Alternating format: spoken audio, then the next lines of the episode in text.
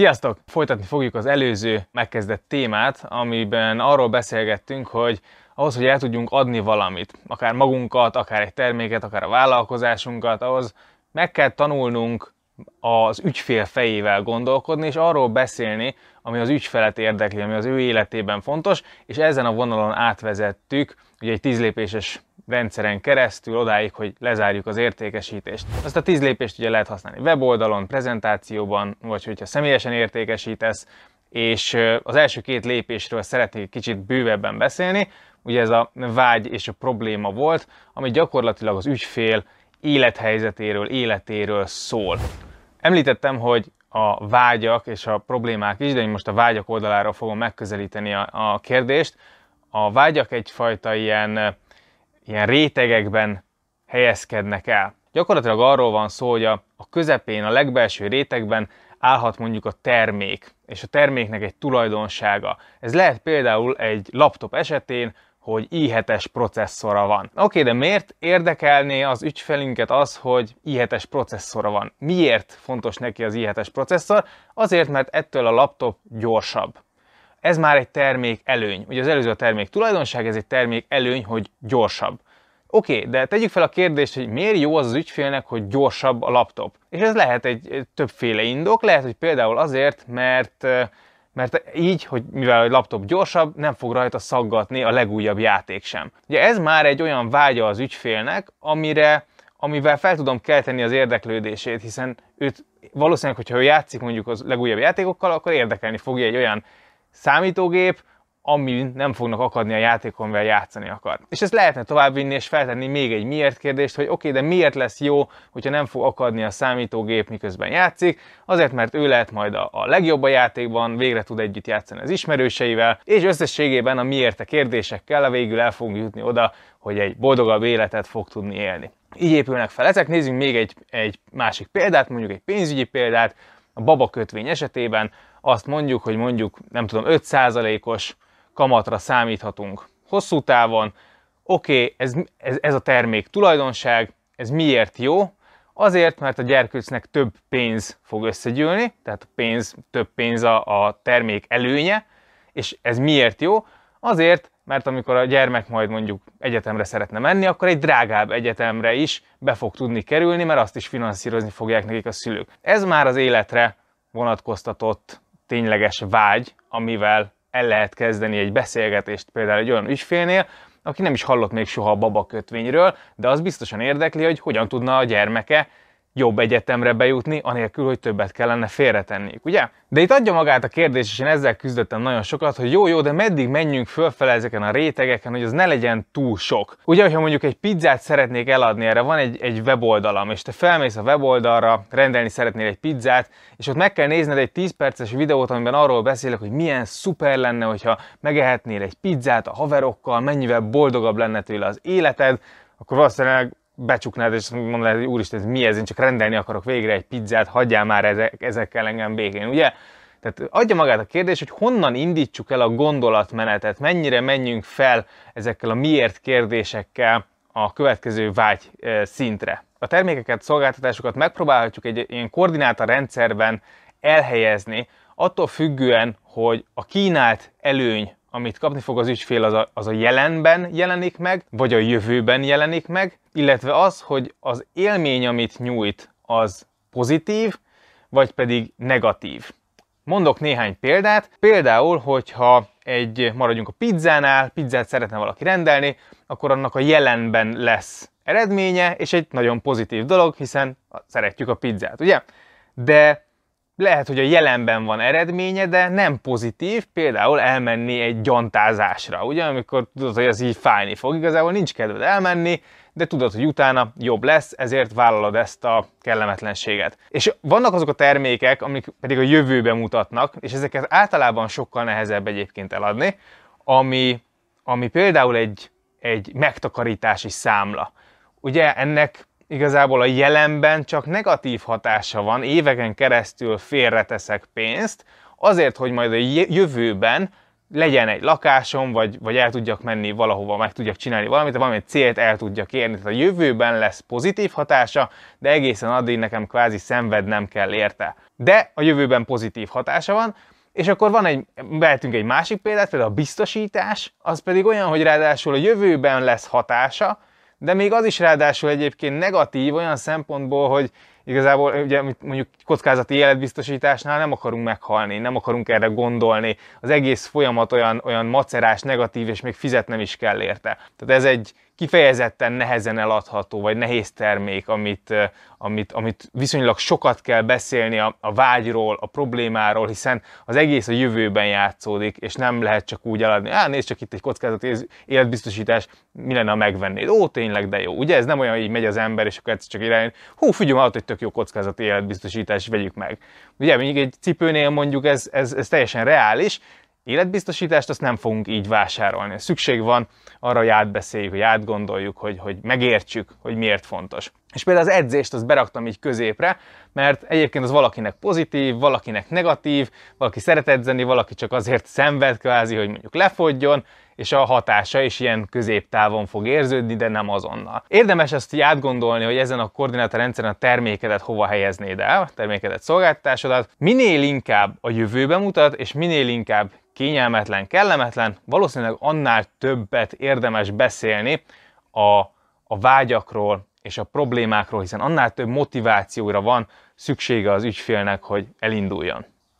Ez azt jelentheti a gyakorlatban, hogy például, hogyha maradjunk annál, hogy egy nyugdíjcélú megtakarítást akar valaki eladni, ami ugye távol van a jövőben, akkor lehet, hogy érdemes egy, egy külön cikket írni arról, hogy milyen a nyugdíjhelyzet, mit lehet tenni ez ellen, megmutatni a számítást, hogy egyébként, hogyha valaki elkezd félretenni, akkor mekkora vagyont lehet összegyűjteni. Lehet, hogy erről egy, pre- egy prezentáció során a prezentációnak az első egy órája az csak arról szól, hogy milyen a nyugdíj probléma, és az, hogy ezt hogyan érdemes magánvagyomból, magánnyugdíjként meg, megoldani, megvalósítani. És ennek a, az életnek a felvázolása, hogy mi van, hogyha nem kezd el megtakarítani, és milyen életet ér, érhet el, hogyha elkezd megtakarítani, hogy akkor szabadabb lehet, hogy akkor lesz pénze, biztonságban lesz, a családját tudja támogatni, az unokáival tud lenni, hosszabb életet tud élni.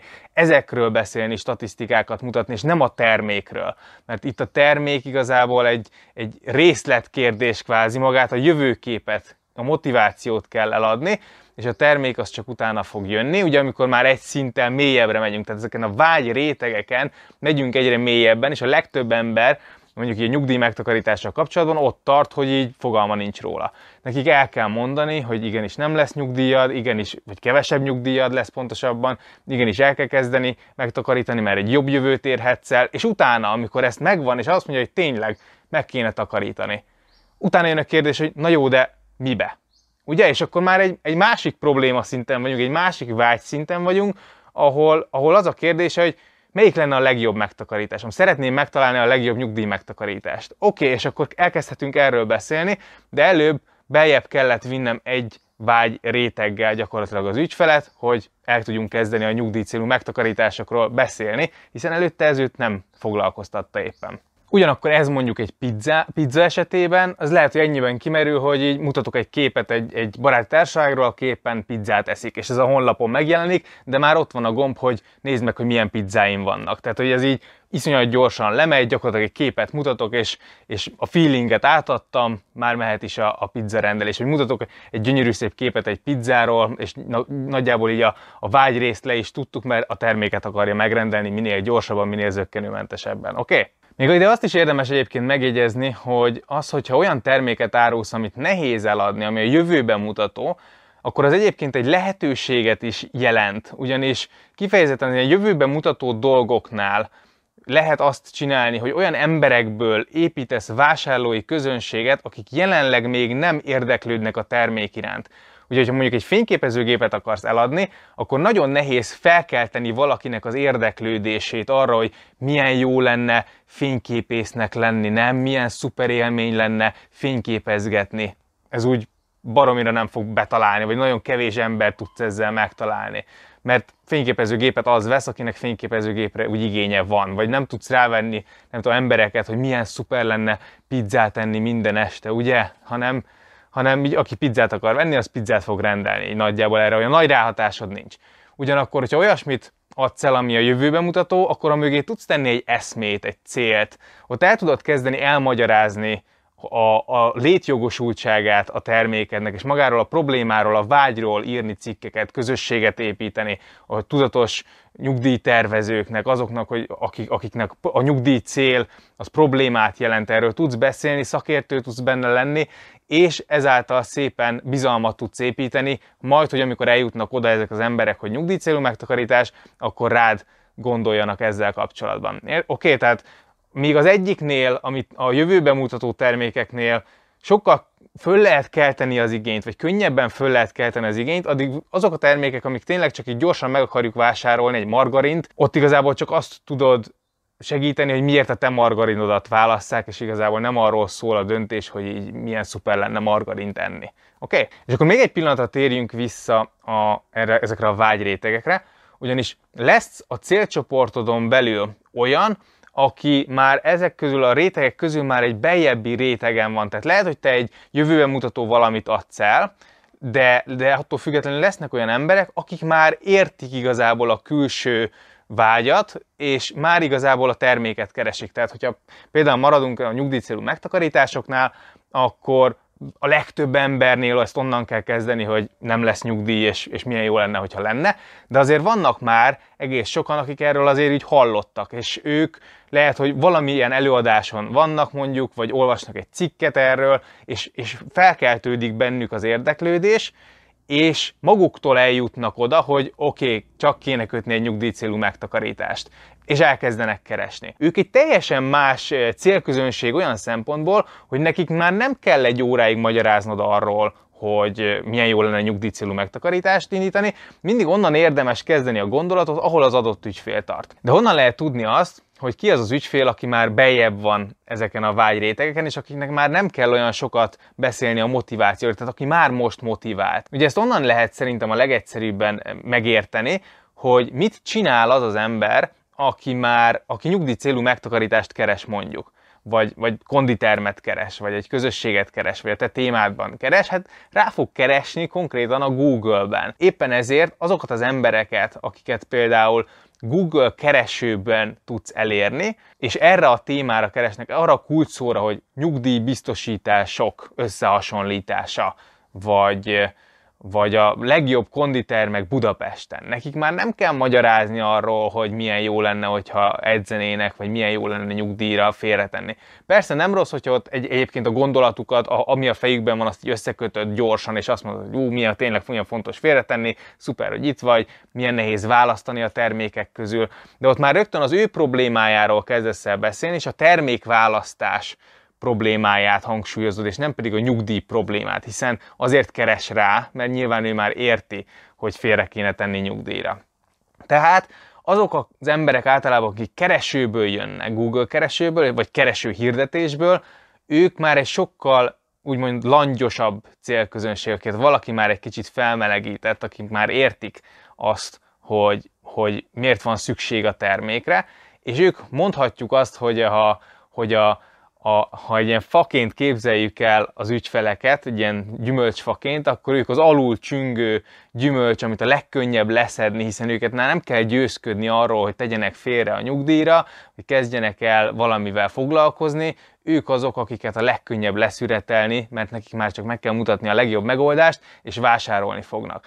Ugyanez, hogyha a fényképezőgépet árul valaki, akkor hogyha rákeresek, hogy legjobb fényképezőgép vloggereknek, akkor igazából én még csak úgy próbálom megtalálni, az a, az a vágyam, hogy megtaláljam, hogy milyen fényképezőgépet vegyek, ugye? De még nem tartok ott, hogy tudjam a típusát. De ha valaki rákeres, hogy nem tudom, Sony XYZ készülék, akkor ő már konkrétan tudja, hogy mit szeretne, és neki már nem kell összehasonlítgatni a különböző fényképezőgépeket, neki egy jó árat kell, egy jó ajánlatot kell adni arra az adott fényképezőgépre, és akkor vásárolni fog. Ugye ő is már, ő, ő már a legbelső szintjén van ennek a, a, a vágy lépcsőnek, tehát ő már a legforróbb ügyfél, aki konkrétan rákeres a termékre. Hogyha pedig nagy tömegeket szeretnél elérni, sok embert szeretnél elindítani az úton, meg akarod őket győzni arról, hogy foglalkozzanak azzal a kérdéssel, ami, amit te eh, adni akarsz nekik, akkor pedig valószínűleg nem a kereső hirdetés lesz a legjobb megoldás a számodra, hiszen nagy tömegeket, azokat az ilyen display channeleken éred el, tehát vagy Google Display-ben tudsz például nekik hirdetni, vagy, vagy akár a Facebookon tudsz elérni nagyobb tömegeket, akik bizonyos érdeklődést mutatnak, mondjuk nem tudom, a sport iránt, a pénzügyek iránt, a, vagy tudatosak, vagy híre, ilyen híreket olvasnak, vagy ilyen oldalakat néznek, de nem feltétlen vannak még azon a tudatossági szinten, hogy készek legyenek a vásárlásra, és ugye akkor te tudod őket felmelegíteni, és ez azért lehetőség, mert hogyha te fel, melegíted fel őket, akkor valószínűbb, hogy nálad fognak vásárolni, hiszen ki tudod építeni ez alatt, a folyamat alatt a szakértői státuszodat, a bizalmadat, tudsz nekik értéket adni, és meg tudod mutatni, hogy te értesz ahhoz, amiről beszélsz a te, témádról. Remélem, hogy ez így, így összességében így, így segített abban, hogy hogy miről is érdemes írni, akár hogyha kampányt csinálsz, akár hogyha prezentációt csinálsz, vagy, vagy, vagy értékesítesz, és miről érdemes beszélni, mi az, ami az ügyfeledet érdekelni fogja. A lényeg az az, hogy mindig onnan indítsd a gondolatmenetet, ahol egyébként ő tart, és ne veszély feleslegesen olyanról, ami nem érdekli, lehetőleg minél inkább arról beszélj, hogy az ő életére, az ő problémára, a jelenlegi vágyára te hogyan fogsz tudni megoldást adni, illetve ő hogyan fogja ezt tudni megoldani. Köszönöm szépen, hogy itt voltál, sok sikert kívánok! Ha det!